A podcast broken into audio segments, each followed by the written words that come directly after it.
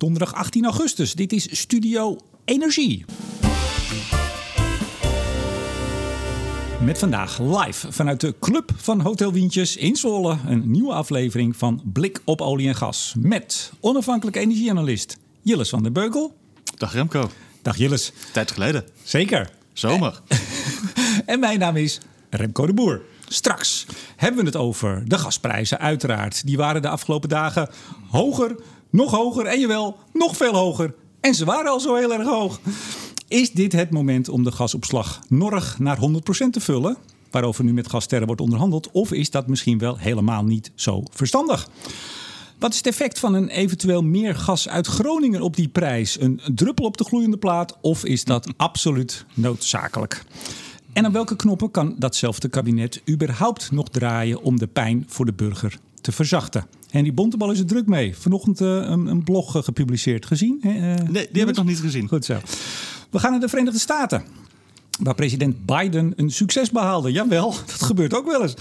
Zijn klimaatprogramma, onderdeel van een heel groot pakket, is Met een door. prachtige naam, hè? de Inflation Reduction Act. Prachtig.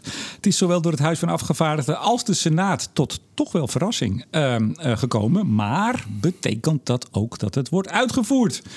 En we gaan naar Suriname, jawel. We gaan wat zuidelijker, naar Zuid-Amerika. ehm, waar Jilles, jawel, colleges op afstand geeft. Gewoon vanuit Appelscha. Hoe doet hij dat? Waarom doet hij dat? Ehm, en we hebben het over Suriname, waar eigenlijk alle Europese problemen, Jilles ziet het nu, eh, letterlijk en figuurlijk heel ver weg zijn. Ze hebben wel iets met de diesel.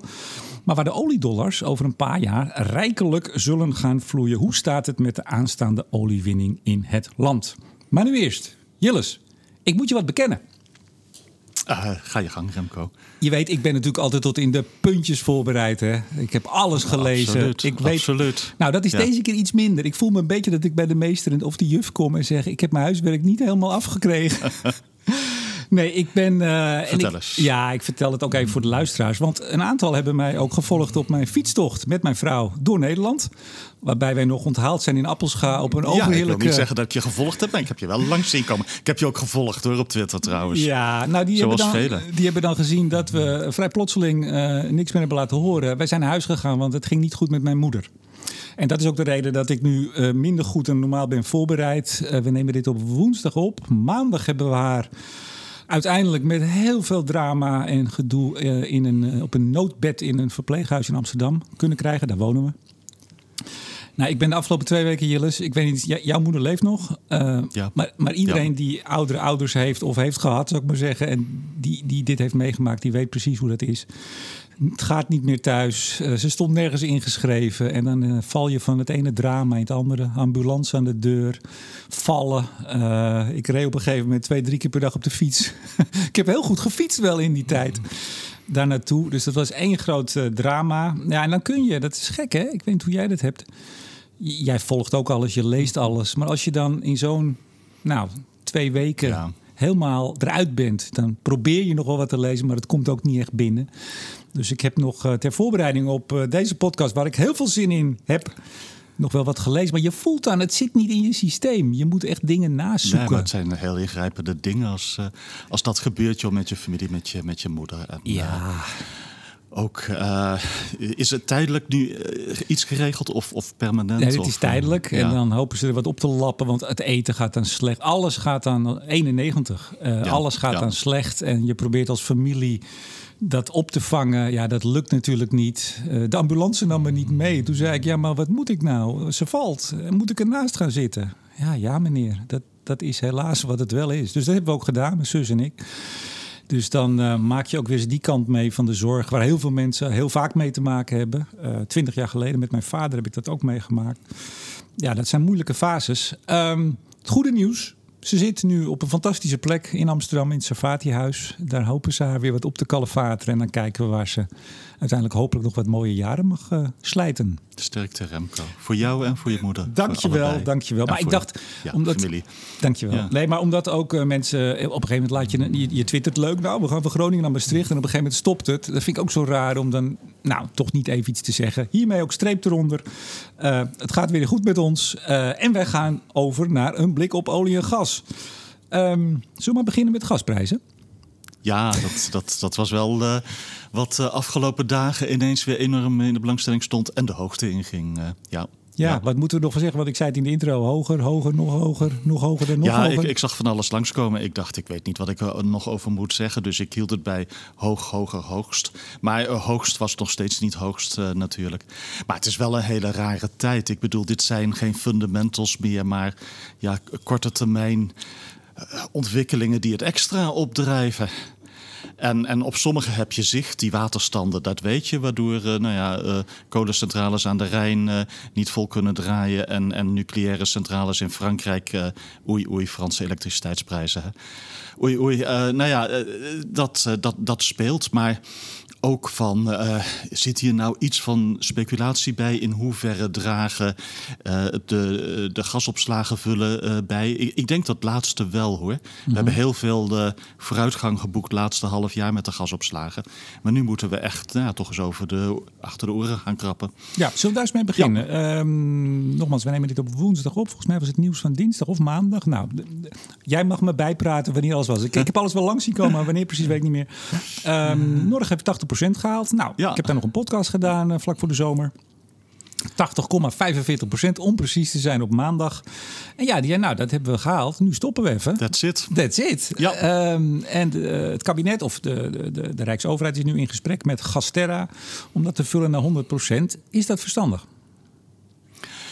Ja, dat, dat, uh, ten eerste, ik, ik zou de nadruk meer leggen op Bergenmeer. Nou, hoogcalorisch dan Norg uh, laagcalorisch.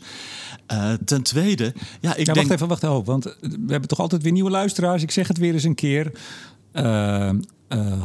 Nou, leg het even uit. Doe jij. Uh, nou, uh, hoogcalorisch is ja, zoals het gas er in de wereld uitziet, behalve in Nederland, of althans in de gedeelte van Nederland.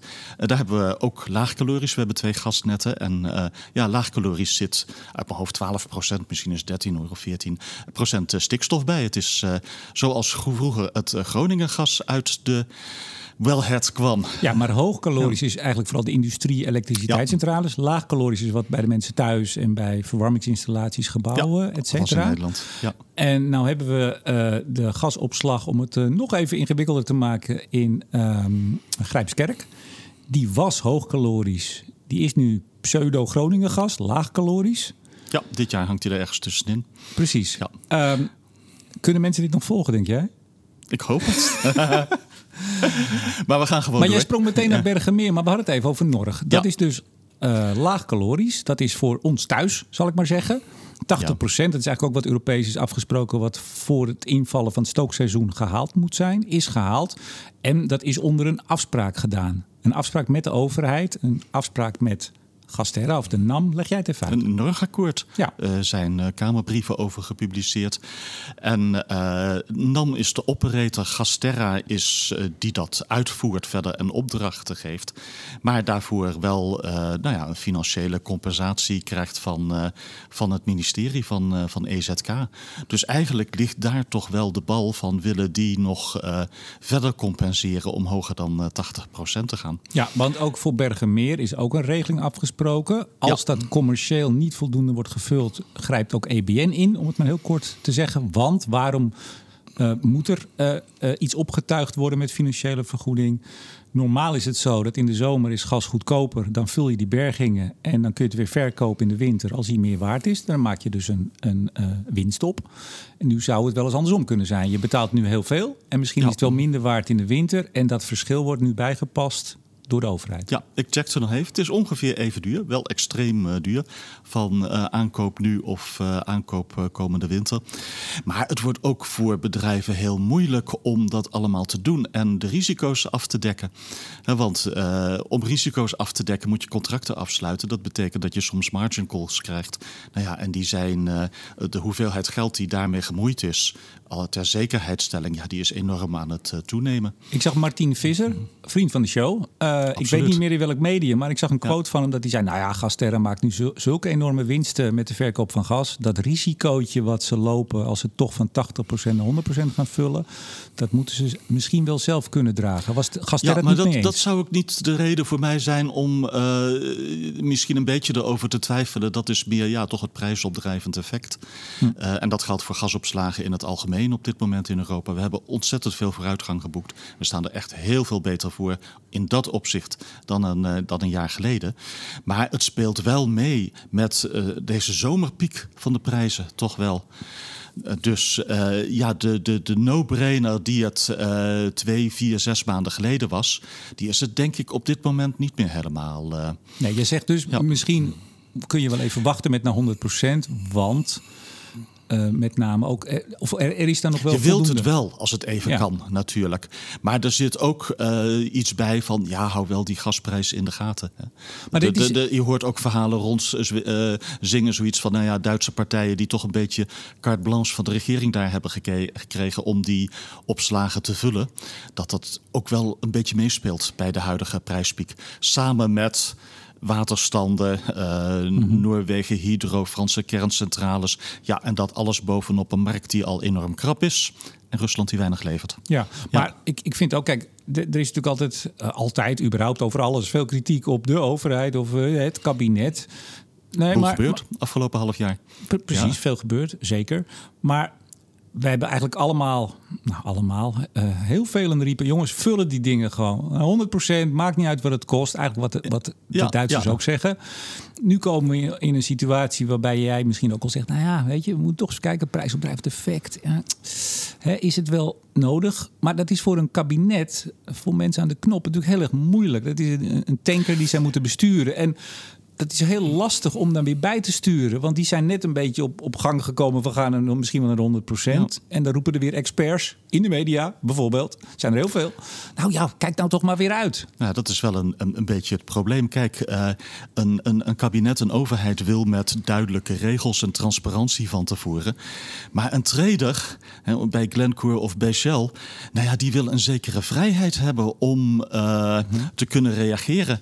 Soms op dingen die eerder richting vingerspitsengevoel dan, dan, uh, harde, uh, dan harde cijfers uh, zitten. Hm. En ja, dat, dat, dat speelt hier ook wel, denk ik. Dus, dus we zijn toch een beetje in een andere fase gekomen.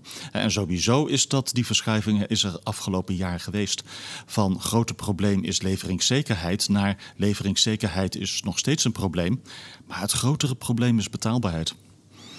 Ja, nou daar gaan we zo even op door. Ik wil nog één ding over Norg zeggen. Uh, dat zag ik, uh, volgens mij was dat gisteren, uh, in de Volkskrant en ook bij de NOS. Die, die maakte er weer een potje van toen het ging over wie er nou, wie er nou aan de knoppen zit. de Volkskrant kwam met dat handelshuis Gasterra, of de handelsorganisatie is van de NAM. Um, en die zei dat de NAM in handen is van Exxon, Shell en de overheid.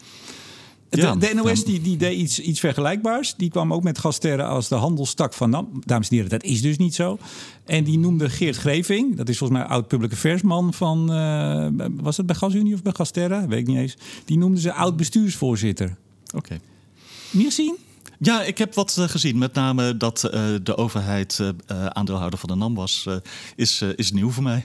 Maar weet je, ik heb, ik heb er even een, een tweetje over gemaakt. Um, bijvoorbeeld dat van de NOS. Die hebben dat ook die hebben dat gecorrigeerd. Volkskrant niet. Het staat er nog steeds. Ik heb net nog even okay. gekeken. Ja. NOS heeft dat gecorrigeerd, ook ruiterlijk. Zei, nou, dat hadden we fout. Maar weet je, dit is even een zijstapje op de grote problematiek van de energiecrisis. Maar je weet, ik, ik, ik zie vaker dingen in de media. Hoe kan dat toch? Hè? Ik zeg, daar heb je uh, NOS, Volkskrant, grote media. Oh. Veel, wacht even. Je, ze weten dus niet wie meneer Geert, Geert Greving is. Ze weten niet dat Gasterra wat dat is. En dan schrijf je het, dus je, je weet het niet. Je checkt het niet. Je gaat niet even iemand zijn LinkedIn of wat dan ook kijken. Uh, je, je zegt dat de Nederlandse staat aandeelhouder is in de NAM. En daar zetten mensen op, ik noem ze even niet bij naam, uh, die een grote reputatie hebben. Het, zijn niet, het is niet de stagiair. Ik denk, hoe kan het nou? Die bericht hierover voor een aanmerk, voor een krant. En die weet dus gewoon niet hoe het zit. Ik vind dat echt, ja, ik zou bijna zeggen, fascinerend. En misschien zegt het iets over de snelheid waarmee journalisten moeten werken in Nederland. Toch ook een beetje. Maar weet je, ik ben geen journalist, maar ik schrijf wel eens wat en ik doe wel eens wat. En als ik niet weet wie meneer Geert Greving is, dan ga ik dat zoeken. Ja, dan zoek je hem op. En ik Ja. schrijf niet alvast dat ik denk, nou weet je wat, ik zet gewoon voormalig bestuursvoorzitter. Kan mij het schelen. Ik weet het niet. Ik zet het gewoon en dan zie ik het wel. En desnoods, ik heb dat wel vaker gedaan, dan bel ik iemand. Of ik bel het bedrijf. En voordat ik dat, ik doe niks voordat ik dat gedaan heb. Ja, je kunt zeggen snelheid en ik ben het wel met je eens, want dat is ook zo. Het is gewoon één grote zooi. Als je de, de taalfouten soms. Nee, maar journalisten kunnen ook, dat heet web first. Hè? Die zitten gewoon ergens in een zaaltje en die tikken al op hun handheld of hun laptop. Tikken ze het bericht wat zo in één keer de website opgaat. Zo barst van de fouten. Ja, ik snap wel dat eh, de, de, eh, de, de kwaliteitswaarde van dat soort media wordt uitgehold. Maar dat terzijde. We gaan door.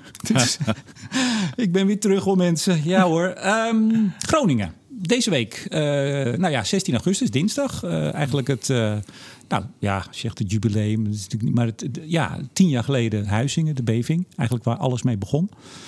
Althans, de, de, de versnelling naar het De afstoten. Ja. Precies. Ehm, Telegraaf artikel afgelopen zaterdag. Volgens mij werd jij er ook nog in opgevoerd. ja, dat was een verrassing voor me hoor. Ja, hoezo? Nou, eh, ik had eh, vijf minuten iemand van de Financiële Telegraaf eh, aan de lijn gehad. Dus ik verwachtte een, een klein stukje op pagina 38. Maar nee, het, het stond in redelijk grote letters op de voorpagina. Ja, en binnen in een groot stuk. En binnenin een groot stuk. En wat Ja. was de teneur van het stuk? Toch wel van, wij kunnen niet om extra productie in Groningen heen. Ja, Is dat zo? natuurlijk kunnen we eromheen. Of het een goed idee is. Eh, ik, ik vond het wel frappant, want eh, een tijdje geleden had, eh, stond Lucia ook ergens in. En, en Lucia en ik staan hier echt hetzelfde in. Dan zeg ik weer even. Van Lucia van Geuns, Lucia van Geuns, HCSS, HCSS, energiespecialist. energie-expert. Ja. Ja. En ehm, eh, wij zeggen eigenlijk precies hetzelfde. Eh, Groningen helpt, maar lost niet het probleem op. En eh, nou, we hebben een soort schatting van eh, nou ja, 10 miljard kuub per jaar schaaft misschien 5 of 10 procent van de gasprijs af. En dan zie je wel dat het ene medium dat interpreteert als druppel op de gloeiende plaat. En het andere medium interpreteert dat als wij kunnen niet om Groningen heen. En ja, daar zitten wij een beetje tussenin toch wel. En het is wel eh, ja, frappant dat het die twee kanten eh, opgaat. Eh, Maar wist jij dat je geïnterviewd werd? Of dacht ja, je ja dat nee, het- dat, eh, dat wist ik hoor. Maar ik had eh, een, een- geen voorpagina eh, verhaal hier verwacht. Nou is dat ook niet erg, want ik sta er wel achter. Maar dat is fase 2 voor mij. Van eh, ja, en persoonlijk maak ik hier de keus dat het beter is om twee of drie jaar lang tijdens deze gascrisis beperkt uit Groningen te produceren. Slechts 10, zeg 10 miljard kuub per jaar. Ja. Die orde van grootte. Ik, ik werd, eh, het was volgens mij vrijdag dat artikel. Ik zeg zaterdag, maar volgens mij was het vrijdag. Maar ik werd meteen 's ochtends uit mijn bed gebeld door eh, media ook van, nou, eh, wat ik daar dan van vond. Ja, ik zeg, ik wil er eigenlijk niet zo aan meedoen. want dan krijg je dus weer, inderdaad, nou, het is ook telegraaf, dus dat wordt goed verpakt met dikke letters. En dan is het meteen, ja, bent u ook voor? Bent u voor of tegen? Meer gas uit Groningen of niet? Ja, nee, zwart-wit. Ja, ja. Maar Nee, je, hoorde- dat- je zag bijvoorbeeld ook eh, gelijk, of je hoorde gelijk, René Paas eh, de maandag daarop ochtend bij eh, Sven op 1. Ja, maar ik vind, ik vind echt dat. Jij bent ook veel in de media. Ik weet niet. Doe jij dat nou ook? Want wij hebben daar nooit contact over eh, achter de schermen, dames en heren. Dus ik vraag het je nu gewoon. Heb jij ook niet eens dat je met journalisten ze- zegt van... joh, moet je dit onderwerp wel doen? Wat is het nut om nu een soort ja, nee, wel, niet? Want het is, er ligt een veel grotere vraag. Hoe wil dit kabinet de komende jaren voort? En dat kan zijn als het kabinet zegt... nou, Groningen gas niet nodig. Nou, wat wilt u dan? Dat heb ik gezegd. Dan wil ik ook weten... Wat zijn de alternatieven? Kom met het totaalplaatje, maar vereng het niet tot ja, nee Groningen, ja, nee dit. Dat lost niks op. Het publieke debat wordt daar niet beter van. Ik heb wel de neiging om. eh, nee, gewoon. eh, ik krijg een vraag van een journalist om daar een antwoord op te geven. En, en eh, soms ga je één of twee stappen verder. En, en dan kom je echt bij een uitgebreid uitge- achtergrondgesprek uit. Eh, ja, en dat is sowieso de tweedeling die je hebt. Eh, kijk, soms heb je, nou ja, eh, je praat vijf minuten en er komen één of twee quotes in een krant. En soms heb je dat je één of twee uur met iemand praat. En je hebt echt, zo- zoals laatst bijvoorbeeld in de, in de tijd, de Belgische krant, volgens mij de Belgische versie van het Financieel Dagblad, dat er echt twee pagina's komen in een weekend bijlage. En eigenlijk is dat laatste veel leuker, want dan heb je het hele verhaal in Ja. plaats van één aspect. Maar Ja. ik, ik werd ook gebeld door een talkshow hierover. En toen zei ik ook van ja, ik, ik ga niet zeggen eh, het is ja goed of het is nee niet goed. Ik zeg ja, als, als jullie dat zouden willen, kun ik, kan ik iets meer vertellen over het, het bredere plaatje. Ja, ik probeer dat toch altijd wel eh, te doen. Het was in dit geval. eh, nou, ze hebben er volgens mij niks mee gedaan. Nee, ze hebben het, niet, niet, het onderwerp niet gedaan. Vind ik ook goed. Nee, maar zo'n discussie Ja. dan ook weer voor een miljoen mensen. Ja, nee. Nou, dan zet je voor een tegenstander aan tafel. Schiet niks op. Maar goed. Ja? Nee? Ja. Ehm, Ja, het is een complex dossier, precies. Groningen. En er speelt heel veel mee. En, en het, het zijn geen eh, makkelijke keuzes. Nee. Nou, ook complex. Ik zei het net al even in de intro. Henry Bontebal had, eh, ik zag volgens mij zijn tweet vandaag, maar het kan ook van gisteren zijn, heeft een vrij uitgebreid stuk geschreven over wat nou het kabinet kan doen. Dat andere grote probleem. Hoe gaan we burgers in Nederland helpen eh, toch de energierekening draaglijk te maken? Eh, ik heb hem gisteren even gebeld. Eh, hij is eh, nou, volgens mij de, hele zomer bezig geweest. Dat schrijft hij ook wel. Met rapporten lezen, mensen op de handelsvloeren bellen, energiebedrijven. En als Henry zegt dat het echt een heel complex probleem is om die compensatie voor elkaar te krijgen, dan is het het, eh, denk ik ook. Het is de spagaat tussen eh, rechtvaardigheid en realiseerbaarheid. Ja, maar vooral de opties die je hebt om iets te doen en de nadelen die daar ook weer aan zitten. In dit gepolariseerde politieke landschap, waarbij meteen weer Kamerleden de nadruk leggen op die nadelen die er altijd zijn aan iedere oplossing, dat maakt het buitengewoon Ja. lastig om nog wat te doen. Je wilt aan de ene kant dat hoge prijzen zorgen voor vraagvermindering. En dat zal altijd pijnlijk zijn. En aan de andere kant wil je eh, die groepen. eh, dus mensen met lage inkomens, maar ondertussen ook wel eh, middeninkomens, samen met bedrijven die levensvatbaar zijn, maar misschien deze twee jaar niet gaan overleven, die wil je helpen, die moet je helpen. Ja, vandaag. Nou, vandaag of gisteren. Ik hou op met. Ik weet niet precies meer. Ik zie je, daar- dan ben ik niet scherp. Een, een FD-journalist die schrijft dat eh, zij maar een energierekening heeft nu van 1 euro per maand. Ehm, en dan, hoe kan dat? Ze gelooft het eerst zelf ook niet. Eh, dat is bijvoorbeeld zoiets. Ook zij krijgt die, wat is het, die belasting, eh, energiebelasting, Ja, vrijstelling van ja, en als je- 800 zoveel euro. Nieuw appartement, heel Precies, goed geïsoleerd enzovoort. Goed geïsoleerd. Nee, maar je, je voelt al aan, ik las dat vanochtend. Eh, en dan, dan weet je al dat dit, nou, dit is sowieso zo'n nadeel. Want iedereen krijgt dat. Dus ook mensen die het eigenlijk, zeg ik even dan, niet, helemaal niet nodig hebben. Want eh, een gezin, zij is alleen, schrijft ze ook. Ja. Eh, een gezin gebruikt weinig energie, nieuwbouwappartement, hele dikke driedubbel glas, nou, et cetera. Ja, die krijgt dus hetzelfde eh, als eh, een, een bijstandsmoeder met drie kinderen in een eh, label E-woning eh, met enkel glas. Nou goed, die krijgt geloof ik een iets hogere voet. Hè. Via de gemeente krijgt die dan nog wel eh, iets meer geld. Maar dat is dan wel een druppel op een gloeiende plaat. Dus het is zo lastig eh, voor een kabinet om hier het, het juiste in te doen. En niet meteen weer de toren van een deel van de Tweede Kamer over je heen te krijgen. Zeker. Zeker. Er zijn meer landen die hiermee worstelen, eh Jilles. Het is een, eh, een wirwar van, eh, van regelingen, Dat price maakt, dat maakt die vergelijkingen zo moeilijk. Hè? Je ziet die vergelijkingen van alle EU-landen van wat betaalt een burger. Maar eh, hoe goed zijn die vergelijkingen? Hè, van eh, bijvoorbeeld een, een verlaging van een of een vrijstelling energiebelasting. eh, eerste stuk. Nou ja, als je dat niet meeneemt, ja, dan komt Nederland echt wel eh torenhoog uit. eh, Nederland kwam slechtst uit de bus, toch? In een van die vergelijkingen. Ja, en nou zit Nederland ook vrij hoog, maar niet zo slecht als in die vergelijking het er uitkomt eh, eigenlijk. Maar waarom zit Ja. Nederland zo hoog? Relatief hoge belastingen en gasprijzen, groothandelsprijzen die relatief snel worden doorgegeven aan eh, eindverbruikers. Ten opzichte van Duitsland bijvoorbeeld hoor. Dat, eh, eh, dat is wel grappig, of grappig, eh, frappant is het juiste woord. Dat Duitsland nu juist als enige volgens mij een extra belasting invoert. En waarom doen ze dat? Om toch, want in Duitsland worden die groothandelsprijzen maar eh, heel langzaam doorgegeven aan eindverbruikers.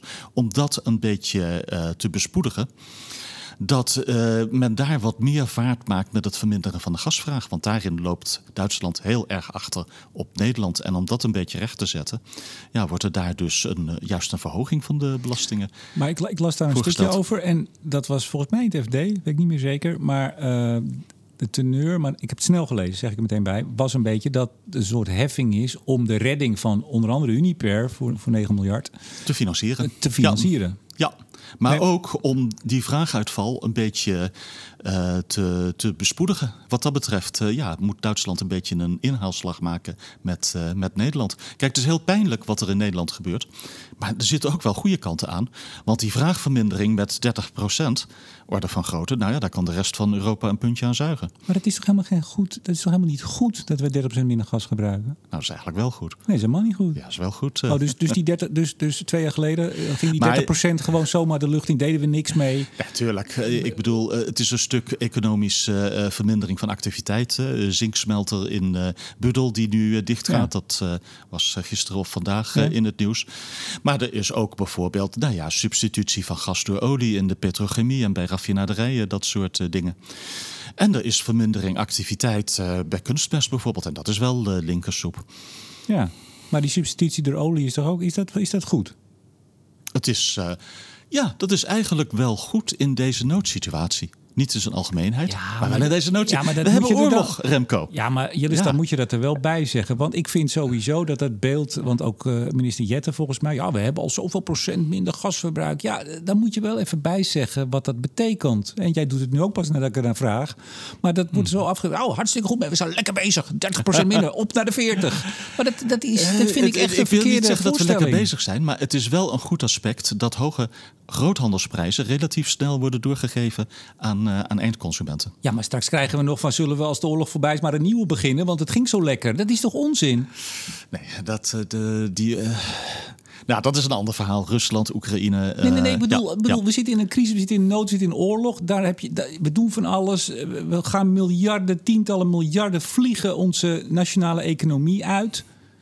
Dat, dat- En kijk, ik snap wel, we zitten er nu vanaf februari in. Dus er komt een soort gewenning. Dus de, noodsituatie wordt gewoon. En daarbinnen kun je dan op een gegeven moment van iets positiever zeggen. Maar het geheel is natuurlijk niet positief.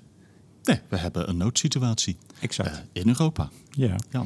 Eh, Spanje, die, eh, die zeggen, nou, we gaan toch maar een, een gaspijpleiding naar Frankrijk. Die hadden ze al lang op de, op de op, die hebben ze afgeblazen, toch maar niet, want hij, hij leverde te weinig op. En nu zegt de Spaanse minister, nou, in negen maanden kunnen we hem klaar hebben. ja, Kan dat? Ik, ik durf echt niet te zeggen of dat kan of niet, maar het geeft wel aan nou ja, dat dingen misschien toch gaan schuiven als de nood heel erg hoog is. Maar je over de Pyreneeën, in negen maanden. En ik, weet, ik heb de kilometers kon ik niet vinden, maar dat zijn er geen twee. Ik bedoel, dat is een flink stuk. Nee, nee, het zullen, eh, ik weet niet of het er 100 of 200 zijn, maar die orde van grootte. Je moet echt eh nou ja, Spaanse netwerk aansluiten op, eh, op Franse netwerk. Het lijkt mij ook heel snel, maar als het echt moet, kunnen er heel veel dingen. Dat denk ik wel. Want, Ja. eh, de- je bedoel, je ziet in het hele gasnetwerk in Europa zie je van alles eh, veranderd, eh, veranderen. Er wordt ook gewerkt aan meer capaciteit voor de gasstroom van Engeland naar Nederland bijvoorbeeld. Er komt ineens een, een rough gasopslag die weer in gebruik wordt genomen. Terwijl ze het kussengas de notabene al uit hadden. Ja, je weet dat de Britten scenario hebben liggen dat als ze te weinig gas hebben, dan gaat die, die exportcapaciteit naar Europa gaat gewoon finaal dicht. Ja, niet, eh, dat, dat, dat, eh, ja. en, en, en, en, en je, je weet dat het IMF daar een blog over heeft geschreven. En die laat zien hoeveel de eh, eh, economische, eh, nou ja, het GDP, eh, nationaal product, omlaag gaat. Eh, voor twee scenario's. één waarbij de grenzen open blijven voor gas. En één Ja. waarbij ze dicht gaan. Ja. En het kan voor een individueel land op een bepaald moment misschien goed zijn om eh, iets dicht te gooien. Maar voor Europa als het geheel zou het heel goed zijn als al die grenzen open blijven. Ja, over Spanje. Ehm, waarom het zo belangrijk is om Spanje aan Frankrijk en daarmee aan de rest van het Europese gasnetwerk beter te koppelen, is omdat daar ook heel veel LNG-importterminals staan. Ja, ik vraag me eigenlijk af, waarom staan er in vredesnaam zo verschrikkelijk veel LNG-terminals in Spanje? Veel meer dan ze namelijk nodig hebben. Spanje is helemaal van kolen afgegaan. Ja. Hele goede ontwikkeling. Maar daarvoor hadden ze kunnen volstaan met de helft van de LNG-terminals eh, eh, die ze nu hebben. Dus ik heb er een, eh, een gedachte bij, maar ik weet helemaal niet of die juist is. Oh, is maar ik ben, nou, ik ben ooit wel eens op een Spaans vliegveld geland, waarbij je ongeveer eh, één vlucht per dag eh, landde. En dat was allemaal met EU-geld ooit eh, aangelegd. En elke provincie in, Frankrijk, in Spanje deed zijn eigen vliegveld. Nou ja, op die manier heeft elke Spaanse provincie misschien ook wel zijn eigen LNG-terminal gefinancierd. Ja. Nou, dat zijn, zo, dat zijn zomaar gedachtes. Ja, moeten we mee uitkijken. Ik Ja, bedoel, we- voor- voor- jij, Ja. jij uit? moeten we mee uitkijken. Maak je het even iets breder? Nee, jij. Jilles? Ja, ik vind het trouwens best uh, scherp, uh, Remco. Je bent... Uh... Ja, ik, heb, ik had heel veel zin in om je weer te zien en deze podcast te maken. De, is het te scherp? Nee, maar je bent volgens mij... Nee, niet scherp in de zin van te hard, maar scherp in de zin van... Nou, je bent goed bij, hoor. Ach, jeetje nou. hey, maar, nee, maar het, het, was opvallend dat Olaf Scholz... Die, die, die deed de oproepen om die pijpleiding aan te leggen. Ja, logisch. Dat gas moet allemaal naar Duitsland. En dat is, eh, dat is de nieuwe situatie in uh, Rusland. De oude gaswereld was, uh, al het gas komt uit Rusland. Nou ja, gechargeerd, maar... Uh, en nu is, al, het al het gas moet naar Duitsland in de nieuwe wereld. Ook weer gechargeerd natuurlijk. Ja. Maar dat is, daar zit wel een kern van waarheid in. Al het gas moet naar Duitsland. Ik, ik vond het wel, wel goed. De, de, de Spaanse Gasterra die had gezegd... nou, zo'n pijpleiding of die pijpleiding kostte zo'n 2,5 jaar kostte geloof 6 à 700 miljoen. Nogmaals, hij, hij, hij, stond in de stijgers geloof ik tot twee jaar geleden of zo, of zoiets. Ja, en, hij is uh, twee of drie jaar geleden afgeblazen. Ja. Ook uh, nou ja, Pyreneeën, kwetsbaar gebied, uh, environmental reasons en ja. zo. Veel protest van maar, maar ook wel geld. Hè? En kijk, in, in, in Nederland zien we dat ook. En ik heb me er wel eens... Nou ja, ik, mijn, het werk aan mijn boek heeft ook natuurlijk de afgelopen week een flinke deuk opgelopen. Ik ga hopelijk deze week weer, weer fris door. Um, maar als je naar het Nederlands systeem kijkt van de afgelopen jaren, je ziet um, dat, dat er zo weinig overmaat in zit. Want zodra er iets gedaan moet worden wat zich niet direct of binnen vijf jaar terugverdient of whatever, dan roept wel heel snel met onze, uh, met onze marktgedachten, ja, dat loont niet. Bijvoorbeeld, ik heb, ik, bedoel, ik werk al, al heel lang uh, voor mezelf. Ik heb bijvoorbeeld heel veel dingen dubbel uitgevoerd. In de zin dat ik altijd al vier jaar lang iedere week een podcast kan maken. Je kan gewoon zeggen, ik koop wat. Dan gaat het een keer stuk, is er geen podcast. Je kan ook zeggen, ik investeer in iets wat ik waarschijnlijk nooit nodig heb. Maar ik heb dan wel gewoon wat overmaat om dingen op te vangen. En dat zagen we natuurlijk in Nederland met de sluiting van de kolencentrales. Hè? Van, ah, is er niet nodig. Er zijn nog kamervragen of een motie ingediend. Ja, CE Delft heeft uitgerekend, de kolencentrales zijn helemaal niet nodig het, het, blijft fascinerend. En ik ben heel benieuwd wat het kabinet nu gaat doen. Want we zitten inderdaad in die noodsituatie. Maar we moeten vooral vooruitkijken. Voorbij deze oorlog, voorbij deze situatie. Houden we een stabiel energiesysteem met enige overmaat. Ga nou niet steeds op het randje zitten. Nee, je, je hebt soms dingen nodig die je niet gebruikt. Ja. En uh, ja, dat klinkt paradoxaal, maar het is wel zo. Nee, dat is helemaal niet paradoxaal. Uh, kolencentrales die je niet gebruikt, zijn eigenlijk heel waardevolle assets. Ja. Omdat je ze in noodgevallen kunt, kunt aanzetten. En laten we wel zijn, er is heel veel kolencapaciteit verdwenen. Ja, en dat is ook wel een reden waarom dingen nu heel moeilijk zijn. Ja, maar, maar denk je dat we door deze uh, oorlog, door deze crisis, dat het, het denken in dat ook iets wat je niet gebruikt heel waardevol kan zijn. Denk je dat het in Nederland voet aan de grond gaat krijgen? Ja. En ja, ik echt? zie jouw sepsis. ik hoop het. Nee, ik, ik hoop het. ik denk dat hij door de microfoon haast heen komt. Ja, nee, ik denk echt dat, uh, uh, dat dit wel de aandacht voor dingen als leveringszekerheid en betaalbaarheid voorlopig in ieder geval uh, echt weer op, op, op tafel legt. Ja. Nee, dat, dat ben ik met je eens. Maar ik heb het erover als het en, klaar en ook is. voor de robuustheid van een systeem. Ja. Nee, Alleen, moment... ik ben heel benieuwd hoe dat systeem gaat uitpakken nu. Ja. Want ja, dat hele systeem is zich opnieuw aan het zetten. Uh, allerlei gasstromen en elektriciteitsstromen die anders uh, gaan lopen. Nou ja, en het is een hele opgave om te bedenken van wat er allemaal deze winter mogelijk is en hoe dat eruit gaat zien, ook qua prijs. Ja. Uh, zowel voor, voor, gas qua elektriciteit. Uh, als het niet zo'n vervelende situatie was, zou ik zeggen, het is een uh, fascinerend en interessant en leuk probleem. Ja, maar wat ik tot slot hoor, wat dit betreft, en dan gaan we naar, naar Joe Biden, dan gaan we naar de VS. Um, je hebt, je hebt 150 mensen in die Tweede Kamer nodig en, en minimaal uh, 76 en nog wat in de Eerste Kamer. Die, die dat soort gedachten, dat je gewoon een paar miljard kan investeren in iets waar je niet meteen uh, de vruchten van uh, kunt plukken, die heb je wel nodig. Dus ik wil nog best geloven dat, uh, dat er een aantal slimme ja. mensen in de Kamer zitten. Nou, de slimste is Henry Bontebal, dus dat is gedekt. Maar ja, dat is maar één. Um, en dat een kabinet ja, ook wel slimmer aan het worden is in de zin van dat ze wel zien dat er meer nodig is dan wat het, hoe het afgelopen jaar ging. Maar dan heb je nog wel steeds een ruime meerderheid nodig. En die polarisatie in Nederland, die, ja, die zie ik alleen maar erger worden. Dus daar komt ja. mijn sepsis vandaan. Nou, er moet een beetje vertrouwen zijn in de experts en de Henry Bonteballen van deze wereld. En de mensen bij EZK en de sector uiteindelijk toch ook. En ja, uh, affiniteit met nou ja, lange termijn uh, oplossingen en redundancies, uh, extra capaciteit in het systeem.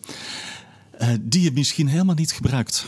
Ja. De Inflation Reduction Act. Ja. Uh, Mooi, hè? 7 augustus ging hij al door de Senaat. Ja. Van de week ging hij door het Huis van Afgevaardigden. Toch eigenlijk wel een beetje... Heel veel commentatoren reageerden ook met van... Hè, wat?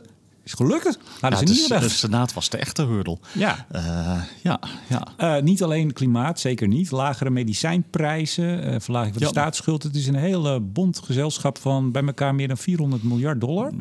Ja, volgens mij ik. is het 60% klimaat en energie, 40% eh, gezondheidszorg. Ja, waarom wil je het Ja. erover hebben?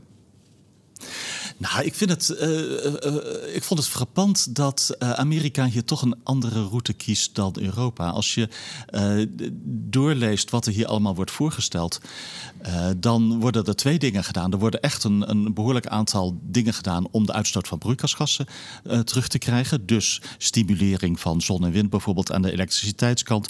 Ook CCS, waterstof. Toch echt een, een men gaat daar ook het elektriciteitssysteem ombouwen. Maar daarnaast, eh, in ieder geval voor de komende tien jaar, dit decennium, ja, het eh, in stand houden van het huidige fossiele verdienmodel. En dat is er in Amerika, want de VS zijn een totaal andere kant ingegaan tien jaar geleden dan Europa. Wij gaan aan de aanbodkant van eh, fossiel af, daar komt het eigenlijk toch wel op neer.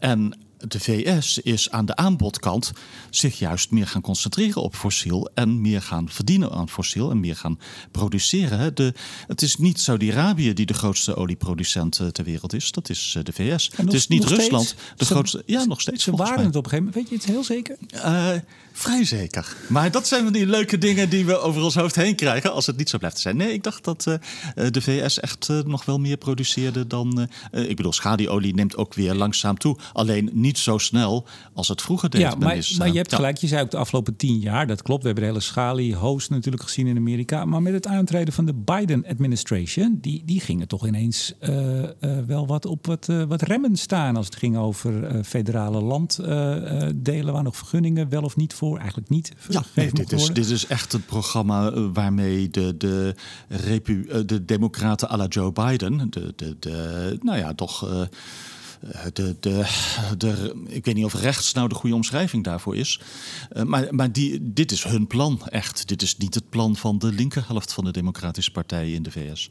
Ik denk dat die er ook eh, niet Ja, erg gelukkig Biden kwam, aan- kwam aan de macht, om het zo maar te zeggen, met dat hij veel meer voor het klimaat wil doen en juist dat fossiel wel wilde afbouwen, Ja, volgens maar mij. hij kwam ook aan de macht omdat hij vertrouwd werd door de mensen die in de industrie werken in Pennsylvania of zo, in dat soort swing states. Dat was het unieke selling point van Biden. Hij was en democraat en hij werd vertrouwd door een gedeelte van werkend Amerika, werkend in de zin van farmers en, en eh, mensen in de industrie.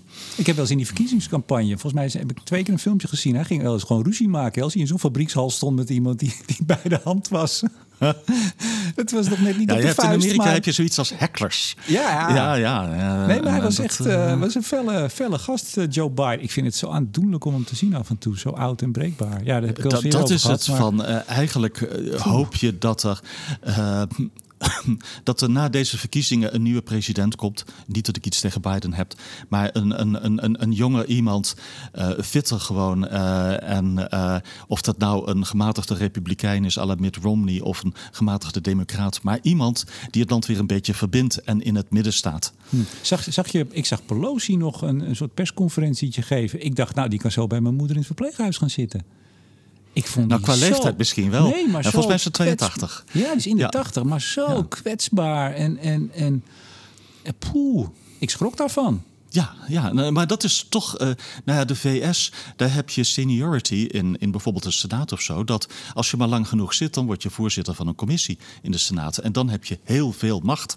En dan is er, eh, ja, ook voor de partij, de, de, nou ja, de al gouden wens van blijf in vredesnaam zitten. Want je bent voorzitter van een commissie die heel veel geld uitdeelt. Bijvoorbeeld Defensie. Nou ja, dan krijg je van dat soort stokoude senatoren. Hmm. Nou nou, Pelosi geen senaat, maar nee. is van afgevaardigd, maar toch. Maar laten, laten we Taiwan inderdaad maar, maar, even laten zitten. Maar om, om hier even terug te komen en ook af te ronden. jij zegt, Amerika is eigenlijk best bijzonder. Aan de ene kant vol nu op klimaat. Dat is er door. Ik zeg de, eigenlijk ook in de intro de vraag. Maar ja, als er een nieuwe president komt uh, over, het is al bijna twee jaar, hè, iets meer. Ja, wordt het wel uitgevoerd? In Amerika kan er zo weer een streep doorheen gaan. Dus, maar goed, dat, dat gaan we dan nog maar zien. Maar tegelijk zeg jij het fossiele verdienmodel in stand houden. En dat vind jij opvallend. Ja, ik vind het namelijk. Nou, ik vind het in die zin opvallend. Het is een heel andere keuze dan, uh, dan Europa maakt. En ooit zullen wij in de toekomst, ja, wij misschien niet meer, uh, maar ja, zullen wij zien hoe dat is afgelopen. En daar ben ik eh, benieuwd naar. Overigens één ding wat eh, heel goed is. Eindelijk worden methaanemissies uh, aangepakt in de Amerikaanse olieindustrie. Met name dat er boetes opkomen. 900 dollar per ton in 2024 uit mijn hoofd. 1500 dollar per ton methaan in 2026. 1500 dollar als je het omrekent in CO2 is nog steeds heel laag hoor. 10 tot 30 dollar voor CO2. Nou ja, zoveel is dat niet vergeleken met onze ETS. Maar het is in ieder geval iets. En ik ben wel benieuwd hoe ze dat praktisch uh, gaan doen. Want ja, je kunt er het uh, flaren de nek mee omdraaien. En dat is hoog tijd dat dat gebeurt. Maar wat doe, je, wat doe je? Hoe ga je alle, alle lekkages uh, afschatten? Want daarvoor over wordt heel veel gebakkeleid van hoe groot zijn die lekkages precies in Texas ja. en de Permian. Er schiet me ineens iets binnen. Dat was een bericht, denk ik, van vorige week. hoe heet die satelliet nou? Oh, die ontschiet me. Die, de methaanlekkages opspoort. Ja. Hadden ze niet in Zuid-Amerika, Brazilië een, een vuilnisbelt gevonden? Die, ah, ze hadden volgens mij in Argentinië, bij Buenos Aires. Ja, vuilnisbelten die stoten ook heel veel Het equivalent van anderhalf miljoen auto-uitstoot, geloof ik, ja. per jaar? Ja, ja. Zoiets? Dan, word je, eh, en, en dan lees je uh, daarna van, nou, er zijn wat uh, olieputten in de Golf van Mexico die ook veel methaan uitstoten in shallow water en zo, dat soort dingen.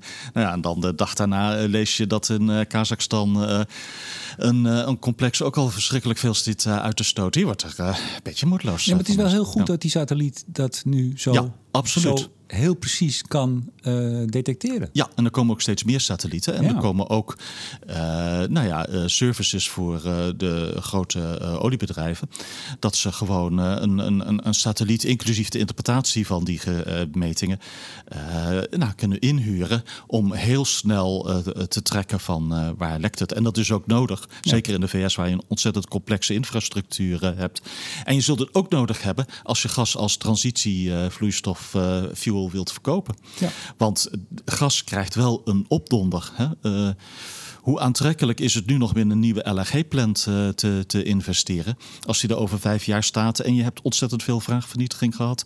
nadat we drie of vier jaar ultra hoge prijzen hebben gehad. Om met uh, Jillis van den Beukel te spreken, ik ben heel benieuwd, we gaan het zien. Zoiets, ja. ja. Suriname. Jij geeft uh, college vanuit Appelscha in Suriname. Vertel ons alles. Ja, s'avonds laat zelfs. ja, dat, dat kan ik me voorstellen. tijdsverschil. Uh. Ja. ja, nou, het zijn ook, het is uh, ja, een masters petroleum engineering. En, uh, maar ik draag bij hoor. Uh, Lucia die runt uh, een module van, van vier weken. Ja, maar wacht, wacht even, jij, ja. wil nog wel eens wat snel gaan. Welke onderwijsinstelling hebben we het over? We oh, dan hebben we Anton de Kom Universiteit. Anton de Kom Universiteit. Daar, ja. Wat zei je nou als een major? ja, die hadden heel lang een bachelor in, zeg maar in olie, simpel gezegd. en, en die hebben daar nu een major programma voor de eerste keer aangekoppeld. Okay. Dat loopt nou twee jaar, dus de eerste lichting die, die is er bijna. Ik geloof dat ze tot december moeten. We doen een module van uh, vier weken oliemarkten, gasmarkten en energietransitie. Met name dat laatste, klimaat- en energietransitie. Uh, je, je, merkt ineens, terwijl het voor uh, een Nederlandse studenten hoofdzaak is, is het daar toch iets wat ja, behoorlijk minder speelt, best wel ver van hun bed af is toch wel. Ja, zijn overigens ja. even... Maar uh, voor de goede orde, Lucia doet verreweg meest uh, ja, ja, Lucia van Geus. Uh, die, die zit er ook. En, en ik, ja, ik had graag erheen gewild en ik heb de tijd gewoon niet. Dus ik doe het met Teams. Heel goed. Um, zijn er nog andere Europese en Nederlandse experts daaraan betrokken? Of jullie geven met z'n tweeën? Uh, deze module van vier weken geven wij met z'n, met z'n tweeën. Maar er zijn ook allerlei andere dingen, vaak meer uh, technisch uh, aan de geologie, geofysica, petrofysica, reservoir engineering. Hmm. Dat soort dingen wat ze ook doet. Maar ja, olie- en gaswinning is natuurlijk nou, enorm in de belangstelling gekomen in Suriname ook. Voor de goede orde, dit zijn veel mensen die bij staatsolie werken. En bijvoorbeeld die, die bachelor al vijf of tien jaar geleden hebben gedaan. Mm-hmm. En nu graag hun masters willen doen. Dus het is ook een, een, een deeltijd masters. Ja, en komt dat door inderdaad de, de aanstaande oliedollars die daar tegen de plinten gaan klotsen? Heeft dat een impuls gegeven? Uh, ik denk dat dat een impuls heeft gegeven. Ik denk ook vooral dat dat in het land enorm leeft. En dat is wel iets van, ja, dat. dat, dat, dat uh, nou, je hart vasthouden is een groot woord, maar. Uh, ja, mensen verwachten daar dat ze rijk worden. Misschien niet zozeer die studenten, maar wel uh, gewoon een, een, een, gemiddelde Surinamer in Paramaribo. Uh, die verwacht dat hier een, toch een beetje een schuit met geld aankomt varen vanaf 2025. Maar dat komt toch, die komt toch ook? Ja, daar komt ook heel veel geld aan. Ja, ja maar want, de vraag nou, er is nog geen beslissing genomen om te investeren. Dat is wel een van de interessante dingen. Want uh, Total is bezig om uh, het hele development nu op te werken. En, en ze hebben een probleem. Ze hebben een heel raar probleem. Als je dat in Europa hoort. Ze hebben te veel gas. Uh, dus die, zeg maar die Golden Alley van olievelden van Guyana. En als je dan naar het oosten gaat, kom je Suriname in. Het is echt een. ze, ze lijnen allemaal op. nou, hoe verder je naar het oosten gaat, hoe verder Suriname uh, in, hoe gasrijker het wordt. Ja, met dat gas moet je iets doen. Het is te veel om te injecteren waarschijnlijk of om te flaren. Dus je moet een gasdevelopment gaan doen. Waar raak je al dat gas kwijt? Ik bedoel, Suriname uh, heeft al stroom uit waterkracht. Uh, Guyana ook. Nou, dus er wordt nu serieus gedacht om daar een LNG-plant te gaan neerzetten. Maar dat maakt het development wel ingewikkelder. En dat is voor Total, de operator, daar de grote opgave. Om dat nou ja, van de grond te krijgen. Maar misschien komt daar dus wel een LNG-plant te staan in, in Suriname. Heel interessant. En ook verder van, ja, hoeveel, hoe gaat dat verder? Ik bedoel, er komen nieuwe exploratieputten aan. Er wordt ontzettend veel geboord daar. Hmm. Het nieuwe exploratieprospect heet Dikop trouwens. En misschien, Total heeft er heel veel hoop op. Apache wat minder. Kijk eens aan. Hey, maar, high risk, high reward, zeggen ze. Maar, maar, maar toch even, we, we, kennen... Nou ja, ik, ik ben totaal onbekend met Suriname... hoe daar de politieke verhoudingen op dit moment zijn. Oh, ik ook, we, we Hebben, nou, we hebben in ieder geval uh, uh, jarenlang... Wij zijn ook al iets ouder. Dat gaat al heel ver terug, bijna vanaf na de onafhankelijkheid.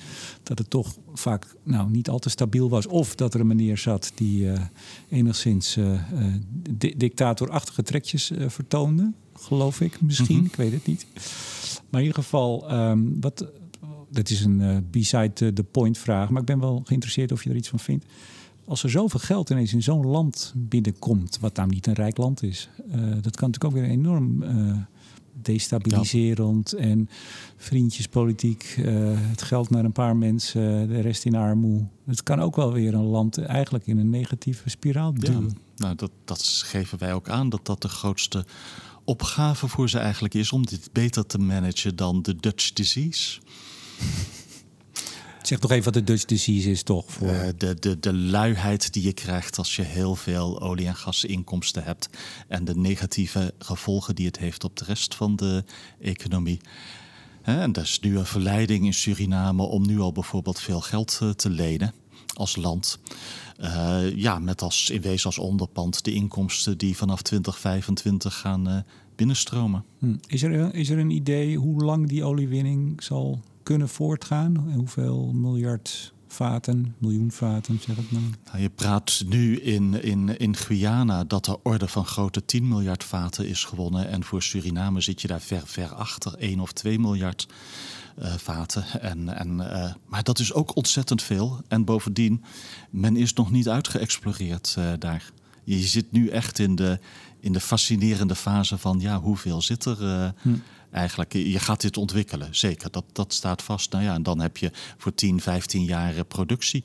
Eh, het reservoir is zo goed dat je het wel vrij snel kunt, uh, kunt leegtrekken. Hm. dit is geen veld wat uh, 30 of 40 jaar nodig hebt om te produceren. Maar dit, dit kun je in een 15 of 20 jaar behoorlijk leeg produceren. Het is, ja, het is ontzettend goed reservoir. Waar, die, eh, waar die olie in zit. Oké. Maar wel met meer gas. Nou, de, gas, de, de olieprijs is nu iets gedaald. We zitten net onder de 100, eh, 100 dollar. Dat is toch voor Ja. 1, mil- 1 miljard Ja. vaten 100 miljard eh, dollar ongeveer, iets minder. Even tot slot, heel kort nieuwtje. Eh, er is een nieuw oliemarktpaper uit bij HCSS, waar jij aan verbonden bent en Lucia. Samen En, en. Irina. We zijn eh, met z'n drieën. Oké, ja, hoe heet zij? En, eh, Irina Patrou. En zij is eigenlijk de hoofdauteur van dat eh, paper. Ze heeft er heel hard aan gewerkt. Hierbij genoemd. Ja. Ehm, is dat te downloaden? Is dat te lezen? Ja, hoor. is het interessant? Of zeg je, nou nee, het is helemaal niet interessant. nee, het is eh, te downloaden hoor. Al, de, al die rapporten die we doen over eh, energie en olie en gas zijn te downloaden op de HCSS-site. en eh, het is het handigst misschien als je of mijn naam of die van Lucia even googelt. Want onder ons korte profiel staan alle rapporten waar we aan meegewerkt hebben. En de hoofdboodschap van het rapport? Nou, toch dat wij misschien wel naar een eh, chaotische energietransitie toe gaan op Nee, fossiel gebied. nee, nee. Op fossiel gebied. Dus in plaats van het verhaal van, nou ja, je hebt geen olie meer nodig, je faseert het eh, langzaam uit en er valt geen droogbrood meer in te verdienen, wordt het eh, van, we hebben het nog wel nodig, er zijn soms tekorten aan en zeker met meer geopolitieke onzekerheid krijg je heel volatiele markten, waarin er ineens weer ontzettend veel in fossiel te verdienen valt. En hoe gaat dat vallen? Hè, komen bedrijven nog weg eh, daarmee met hun license to operate zonder eh, al te hoge extra belastingen? Ja, Saudi Aramco tweede kwartaalwinst. Wat was het? 48,5? 48 miljard, hè? En het eerste half jaar eh, ruim 90 miljard. Ik, ik, bedoel, net zoveel als de vijf grote eh, oliemaatschappijen... Shell, BP, ExxonMobil, Chevron, Total eh, samen, hè? Eh, en, en, en, en daar gaat ontzettend veel, eh, veel geld heen eh, nu. Ja. We hebben ondertussen nog een lekker kopje koffie erbij. Neem een slokje hoor. Ja. Eh, 100 dan is- 180 miljard dus in een jaar, hè? straks ongeveer. Ja, ja. Nou, le- lees. eh, Naar het- een, naar een schurk als Mohammed bin Salman. Oh, jij wordt, jij wordt met. eh, dit is podcast 38, geloof ik. Jij wordt met iedere podcast word je wel wat eh, robuuster in je taalgebruik, hè? Nee, meestal ben ik vrij diplomatiek, maar... eh, Nou, toen we het ooit over Poetin hadden in het begin, een jaar of twee geleden, Nou was je ja, heel voorzichtig om te suggereren dat het daar misschien ja? wel iets niet pluis is. En nu daar zeg je ik ook me niks meer gewoon. van herinneren. Nou goed. Ja. Hey, voor de luisteraars, le- lees dat. HC, HCSS. Nou, dat is, de, dat is de, de club, de Denktank. En daar is het allemaal te vinden bij het profiel van Jillis of van Lucia. Of van Irena was het, hè? Irina. Irina. Sorry. Ehm, vooruitblik. Wat heb je voor de vooruitblik? Zoals gewoonlijk helemaal niets. eh, Wacht even, ik zeg even, ik Ja. zeg even toch dat het is eh, priceless, zeggen de Engelsen. Ik weet niet in Nederlands. eh, eh, om jouw blik dan te zien. Als ik dat zeg, dan zie je echt zo van... Oei, ik heb het weer niet gedaan. Ja, jij is- zegt wel dat je huiswerk niet hebt gedaan. Maar Ja. ik, ik ben degene in. in, in nee. Ja, benieuwd waar deze markten heen gaan. Wij, wij gaan een eh, hele interessante winter krijgen. eh, en dat zou heel leuk zijn als het niet zo pijnlijk was. Hmm. Gewoon. Ik, ik heb eh, een gerucht gehoord. pardon. Een gerucht gehoord dat het kabinet een aantal experts weer gaat vragen om eens, Oh. om eens iets te vertellen. Jillis, ik weet niet of jij er iets van weet. Klopt dat gerucht? Het is uitgesteld. Het is uitgesteld. Ja, het is even uitgesteld. Te veel experts of hoor, dat weet ik niet, zijn op vakantie. Kijk eens aan nou. We gaan hier Maar- vast de volgende keer als de, dat, dat, die bijeenkomst... die misschien gaat plaatsvinden of niet. Ik weet het niet. Chatham als, House rules. Als die heeft plaatsgevonden... gaan we er vast nog wel eens iets over horen van een zekere expert. Ik weet het niet. Ehm, nou, ik eh, heb ook niet zoveel. Nogmaals, ik ben even aan het bij, eh, bijbenen. 1 september is het einde van het zomerrooster. Want we komen nu op donderdag. Overigens, de reden dat we nu op donderdag komen... is ook natuurlijk om wat ik in het begin vertelde. Maandag ging echt niet lukken opname. Eh 1 september einde zomerrooster. Ik heb alweer wat hele leuke podcastjes op, het, op het netvlies. Mensen melden zich soms. Ik heb zelf nog wat, wat leuke zaken op het oog. En heel belangrijk... Het is ontzettend geneuzel wat ik nu ga doen, maar er komt nieuwe podcastapparatuur. Sterker nog, dat heb ik al staan. Ehm, nou, dat is voor luisteraars denk ik helemaal niet interessant. Maar voor mij wel. Eh, na vier jaar met gewoon mijn laptopje en twee microfoons te hebben gewerkt... ga ik het eh, wat opschalen. Eh, meer mogelijkheden. We kunnen straks ook als wij zitten, Jillis... kunnen we even iemand bellen. Gewoon even erbij halen, als we dat willen. Ja. We moeten niet te veel eh, grap en grollen gaan uithalen. Maar ik ga ook live eh, de jingles en zo er doorheen eh, mixen. Vind ik wel leuk. Het is ook in één keer klaar. Als ik dan hier wientjes uitloop, dan is het gewoon in één keer klaar. Kan ik het hier al opzetten, eventueel op Soundcloud. Ehm, en, dat kondig ik ook vast aan. ehm, ik ga ook zo'n experimentje, omdat ik die nieuwe apparatuur heb, waar ik ook makkelijk met veel meer mensen kan praten wil ik eh, proberen, nogmaals experiment, om ehm, eh, aan het eind van de maand of begin van de nieuwe maand met drie gasten het nieuws van de vorige maand te gaan bespreken. Live, met publiek. Leuk. Duidelijk. Ja, ik kom in, het verstaan. In Luden. Eh, waarschijnlijk in Den Haag, waarschijnlijk in Luden. Eh, ik vind dat wel leuk om als ik met iets bezig ben. Het gaat in ieder geval gebeuren. Waar precies, dat eh, moeten we even kijken. Ehm, ik weet ook niet of het werkt met publiek. Maar het lijkt me wel heel leuk om het eens een keer te proberen. Ja, lijkt me ook. Een soort Adriaan van Dis.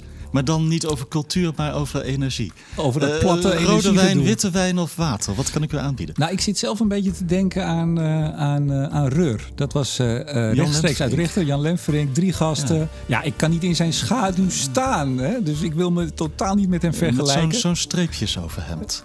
In lichtblauw. ik heb- ik heb vooral je veel al, eh, ruitjes. Je hebt het al heb- aan. ja, ik heb ruitjes. van ruitjes naar streepjes te gaan. Nou, daar wel. kunnen natuurlijk ook wat, eh, wat mensen bij. Niet te veel natuurlijk. Maar dat, mensen, dat komt allemaal nog. Dat- Of, of Bretels, alleen Jort Kelder erbij.